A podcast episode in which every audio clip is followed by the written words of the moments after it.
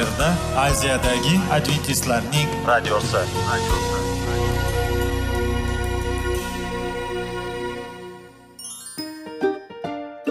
Assalomu alaykum aziz radio tinglovchilar.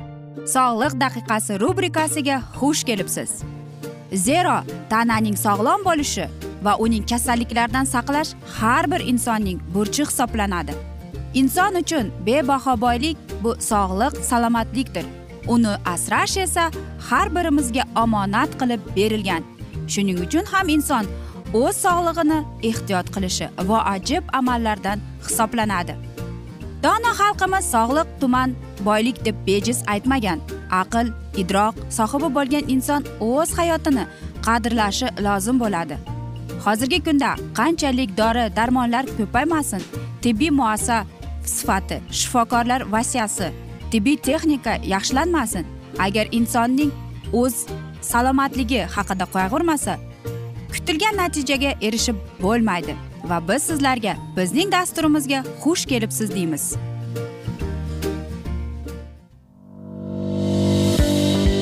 Sog'liq daqiqasi soliqning kaliti qiziqarli ma'lumotlar faktlar. Har kuni siz uchun foydali maslahatlar. Sog'liq daqiqasi rubrikasi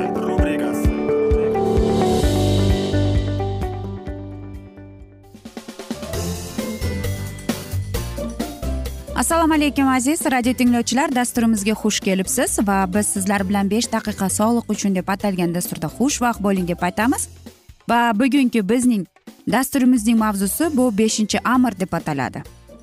Agar biz e, muqaddas kitobga qayriladigan bo'lsak u yerda chiqish kitobida yigirmanchi bob o'n ikkinchi oyatida shunday deb yozilgan. Ota onangizni hurmat qiling.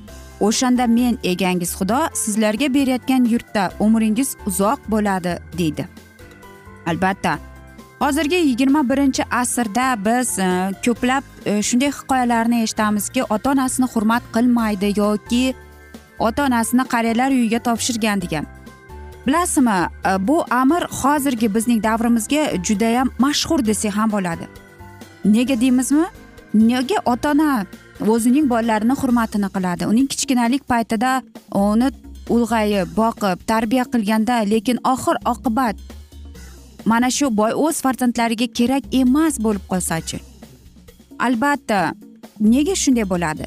Va qarangki o'zining ota onasini hurmat qilmagan odam nahotki xudoni tangrini mana shunday qilib ulug'lasa bo'ladimi degan savol beriladi.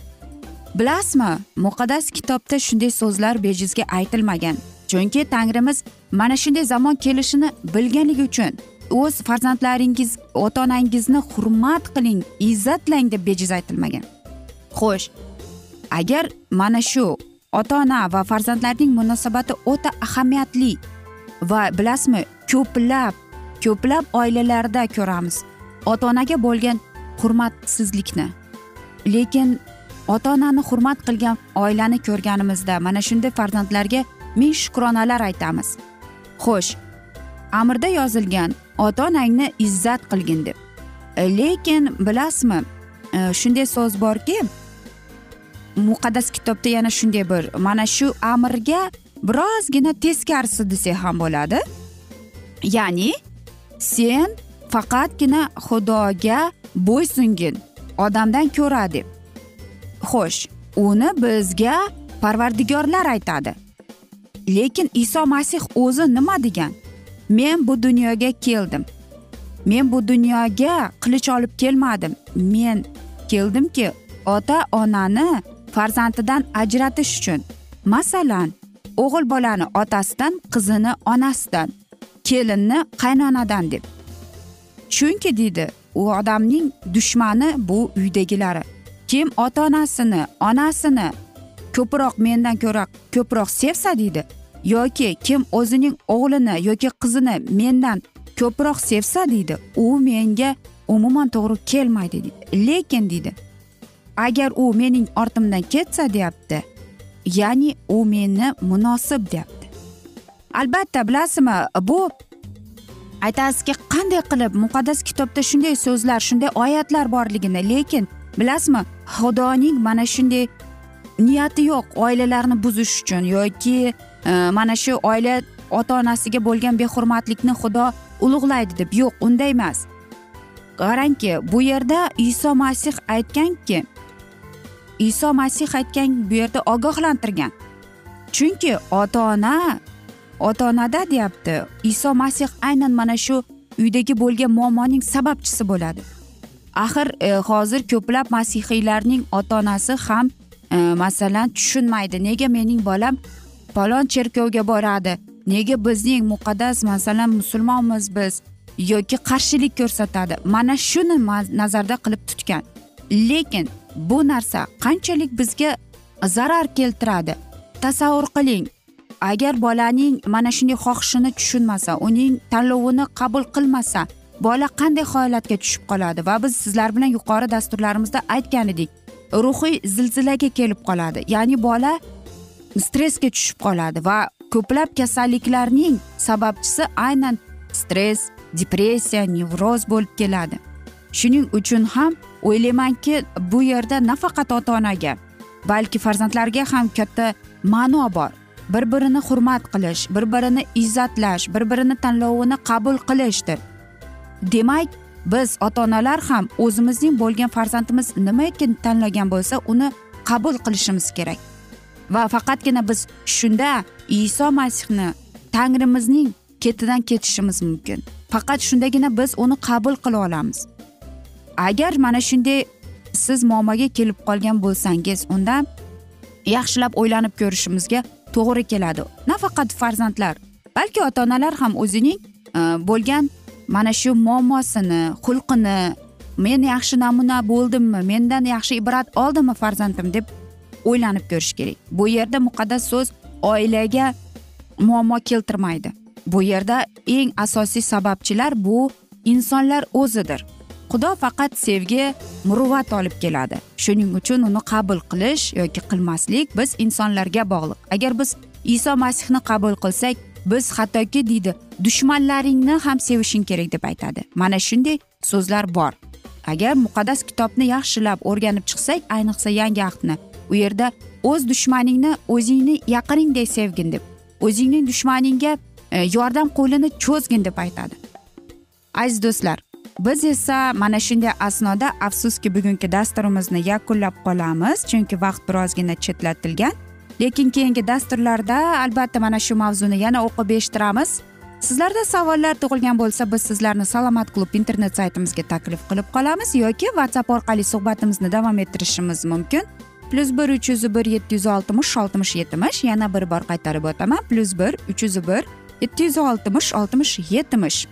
Men umid qilamanki bizni tark etmaysiz deb chunki oldinda bundanda qiziq va foydali dasturlar kutib kelmoqda sizlarni deymiz. Va biz sizlar bilan xayrlashar ekanmiz. Sizga va uydagilaringizga tinchlik totuvlik tilab sog'lik salomatlik tilab xayrlashib qolamiz.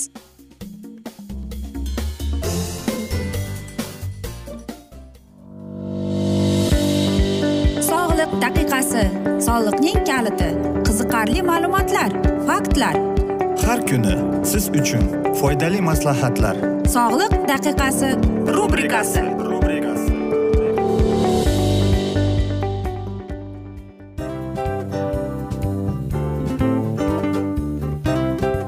mana ha hayotda hamma narsaning yaxshi narsalar tugaydi va yakunlaydi degandek bizning dasturimizga ham yakun keldi. O'ylaymanki bizning dasturimiz sizga foydali bo'ldi deb aziz radio tinglovchimiz. Va siz o'zingiz uchun kerakli xulosalar kerakli maslahatlar olib oldingiz. Aziz radio tinglovchimiz biz bilan qoling va keyingi dasturlarimiz albatta undanda qiziqroq bo'ladi. Mana shu alfozda sizlar bilan xayrlashib qolaman.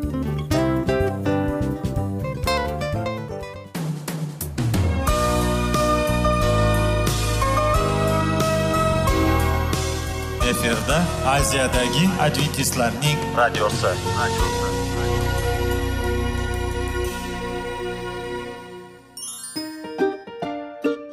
assalomu alaykum aziz radio tinglovchilarimiz dil izhori dasturimizga xush kelibsiz pul insonni baxtli qiladimi albatta yo'q sog'liqchi albatta bo'lishi mumkindir lekin olimlar shuni isbotlashdiki to'liq va mukammal munosabatlar insonlarni baxtli qilar ekan.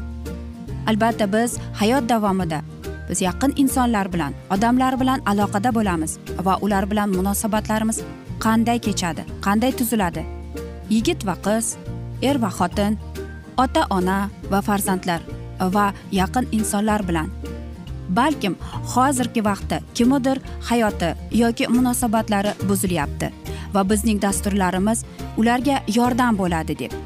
Va oldinda sizlarni qiziqarli intervyular va mavzular kutyapti va biz umid qilamizki siz biz bilan qolasiz deb.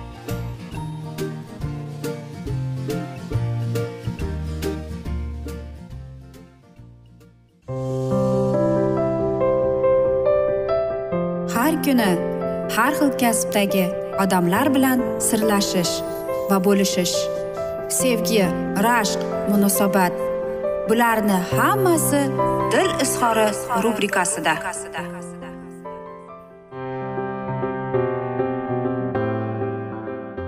Assalomu alaykum aziz radio tinglovchilar dasturimizga xush kelibsiz va biz sizlar bilan ajoyib sevgi deb nomlangan dasturda xushvaqt bo'ling deb aytamiz.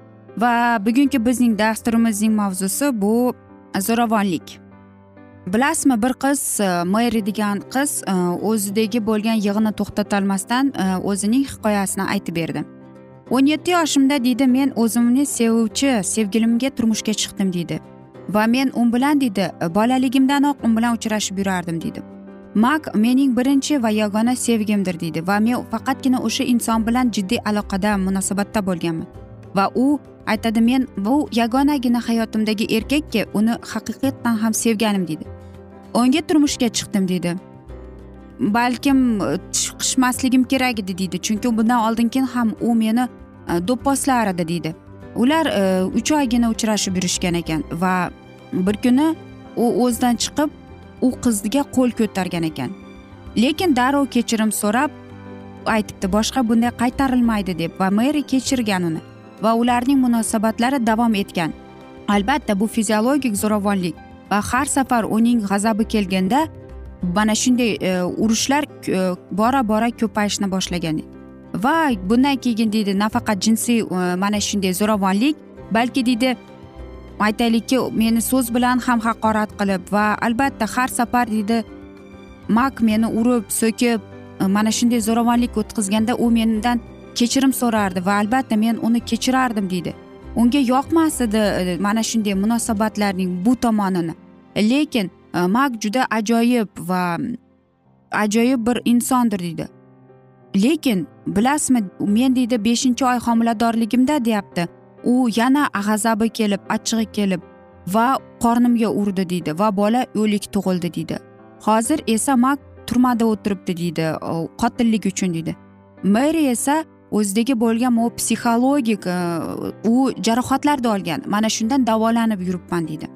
Qarangki bir tajriba shuni o'tkazgan ekanki faqatgina o'n e, o'smirlikdan bir o'smir o'zidagi bo'lgan mana shu zo'ravonlikni ko'rar ekan.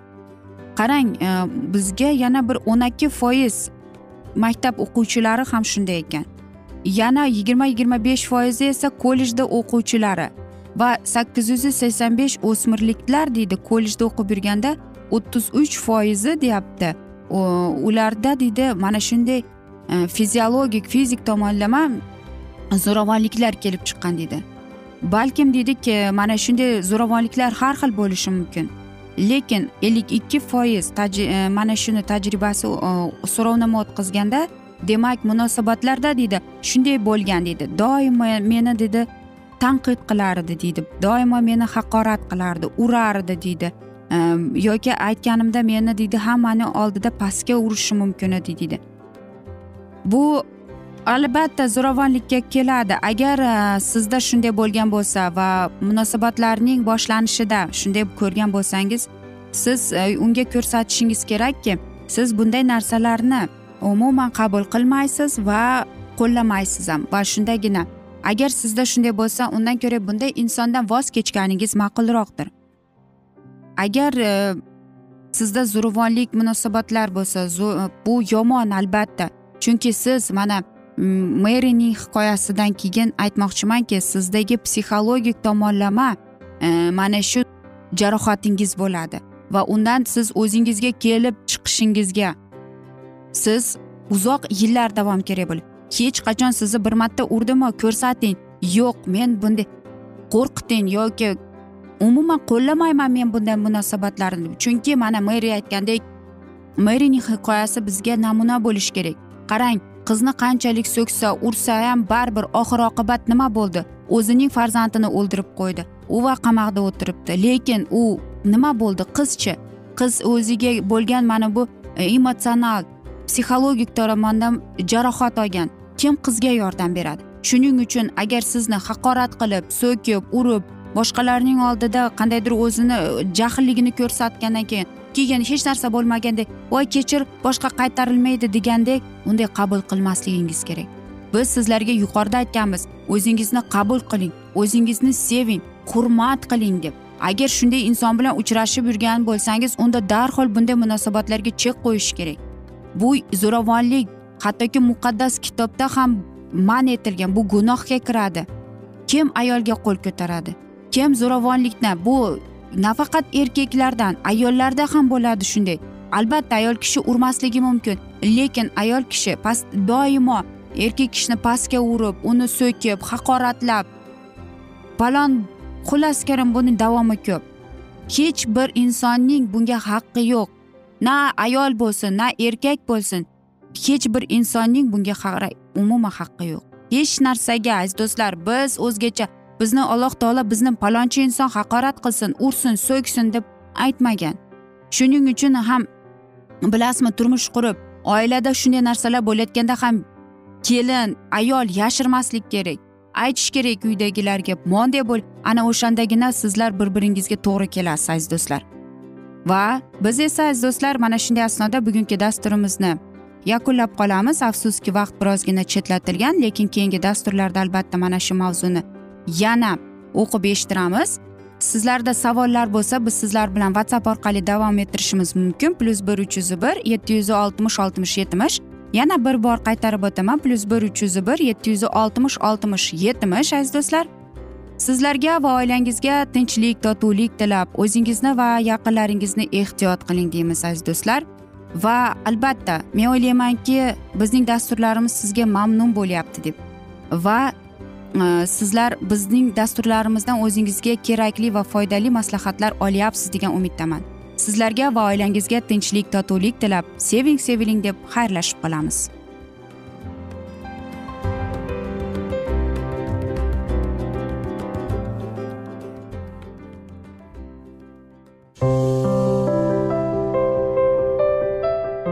Har kuni har xil kasbdagi odamlar bilan sirlashish va bo'lishish sevgi rashq munosabat bularni hammasi dil izhori rubrikasida.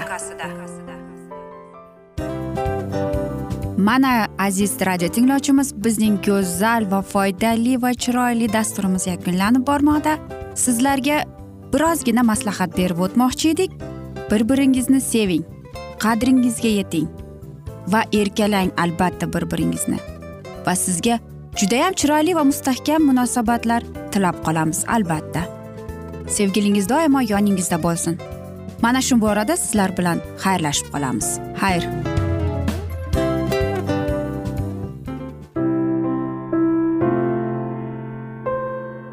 Hayotning noni. Qiziqtirgan savollar va javoblar. Buning hammasi ko'ngil uchun oziqa rubrikasida.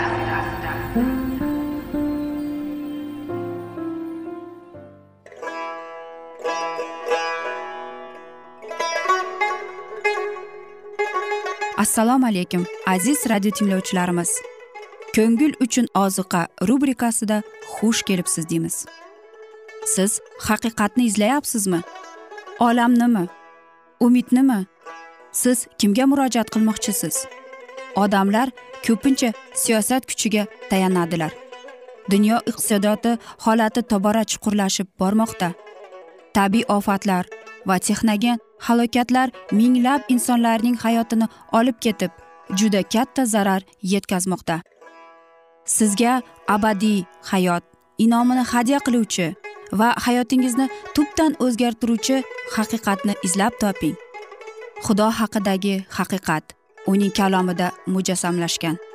Kimki bu haqiqatni butun qalbi bilan izlasa albatta unga yetishadi. Bu sevgi xudoning tarixidir. Hayotingizda yoki sizning yon atrofingizdagi olamda nimalar yuz berishidan qat'iy nazar? Siz ertagi kunga buyuk umid va ishonch hosil qilishingiz mumkin.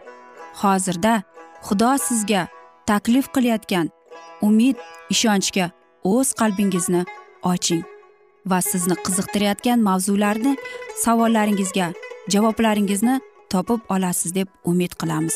Biz bilan qoling.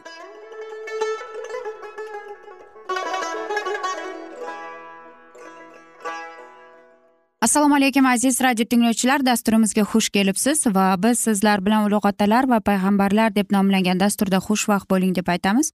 Va bugungi bizning dasturimizning mavzusi bu qanon yerini bo'lish deb ataladi va biz sizlar bilan o'tgan galgi dasturni yana davom ettiramiz. Agar aybdor o'lim jazosiga munosib topilsa hech qanday harakat uni qutqara olmas edi. Kim odam qonini to'ksa uning qonini bilan odam qo'li bilan to'kilur zero odam xudo suratida e, yaratilgandir. Va o'limda aybdor bo'lgandan uning joni uchun to'lov olmanglar ammo uni o'limga topshirish lozim. Mening qurbongohligimda uni o'limga olgin dedi ilohiy buyruq. Zero yer unga to'kilgan qondan faqat to'kkanining qoni bilan tozalanadi.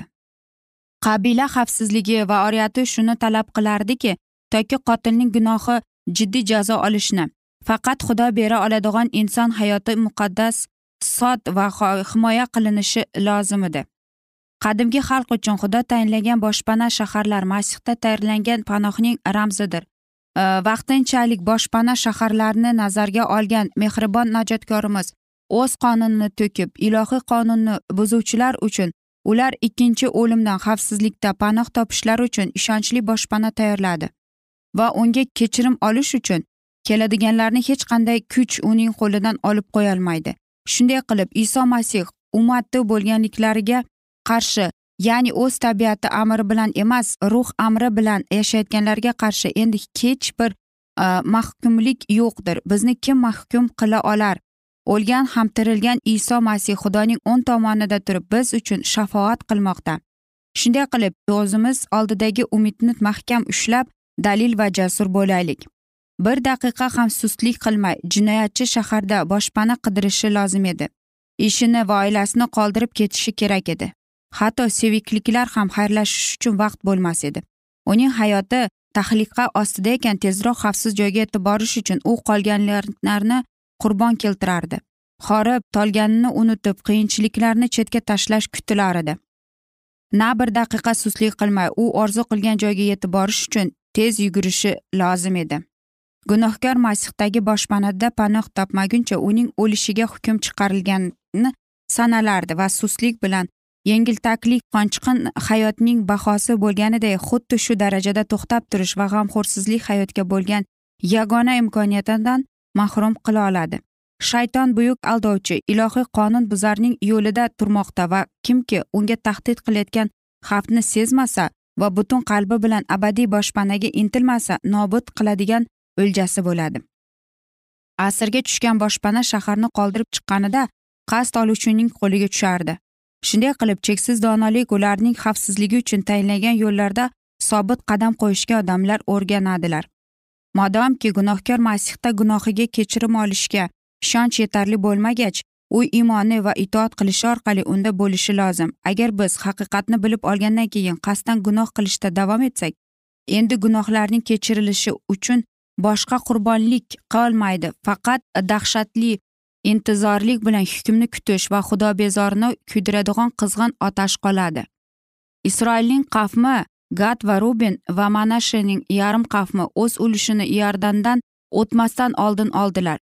Tog'lar etagidagi keng dalalar gilad va bashanning hashamatli o'rmonlari ular uchun va podalari uchun keng yaylovlar bo'lib hatto qanon o'ziga teng bo'lgan joylarni bilmas edi.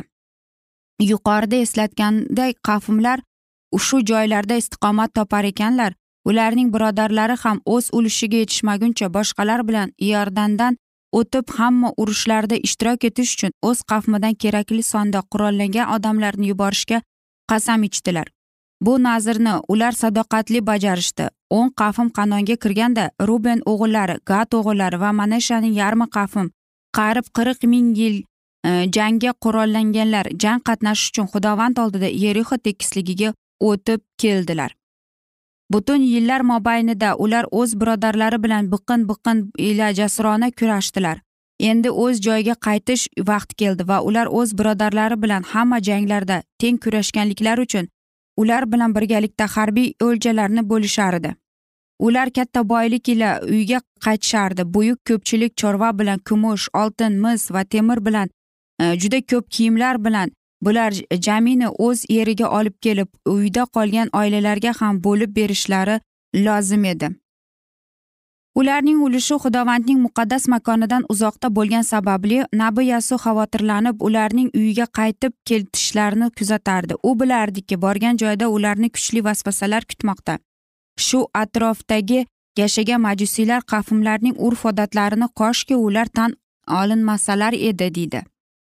Nabi yasoy va boshqa rahbarchilarning qalblari zulmatli sezgirlikka botganida ularga g'alati mish mish gaplar yetdi. Yordan daryosining sohilida isroil ajoyib ravishda daryodan o'tgan joyda ikki yarim qafim katta qurbongoh qurishibdi. Qurbongoh shiluda qurilgan taqilar qurbongohiga o'xshar edi deydi. Ilohiy qonun muqaddas makondan boshqa hech bir joyda o'lim hukmi chiqarilishi bilan boshqa diniy xizmat o'tkazishni man etardi. Agar qurbongoh xizmat uchun qurilgan bo'lsa va uni tegmay qoldirsa ushbu muammo xalqni haqiqiy e'tiqoddan uzoqlashtiradi. Aziz do'stlar biz esa mana shunday asnoda bugungi dasturimizni yakunlab qolamiz. Afsuski vaqt birozgina chetlatilgan lekin keyingi dasturlarda albatta mana shu mavzuni yana o'qib eshittiramiz. E, yoki biz sizlar bilan suhbatimizni whatsapp orqali davom ettirishimiz mumkin. Bizning whatsapp raqamimiz plyus bir uch yuz bir yetti yuz oltmish oltmish yetmish. Yana bir bor qaytaraman plyus bir uch yuz bir yetti yuz oltmish oltmish yetmish. Men umid qilaman bizni tark etmaysiz deb chunki oldinda bundanda qiziq va foydali dasturlar kutib kelmoqda. Biz esa sizlarga va oilangizga tinchlik totuvlik tilab va albatta eng asosiysi o'zingizni va yaqinlaringizni ehtiyot qiling deymiz.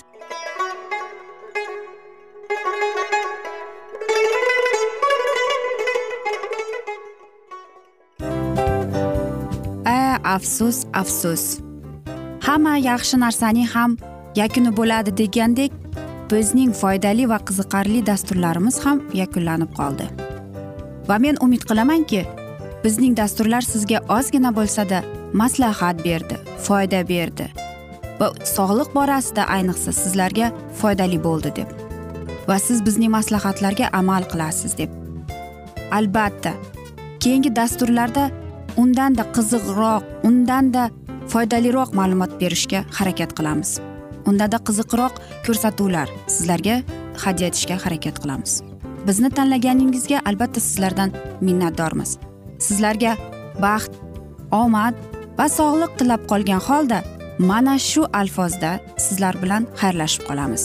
O'zingizni ehtiyot qiling sog' bo'ling omad sizga xayr.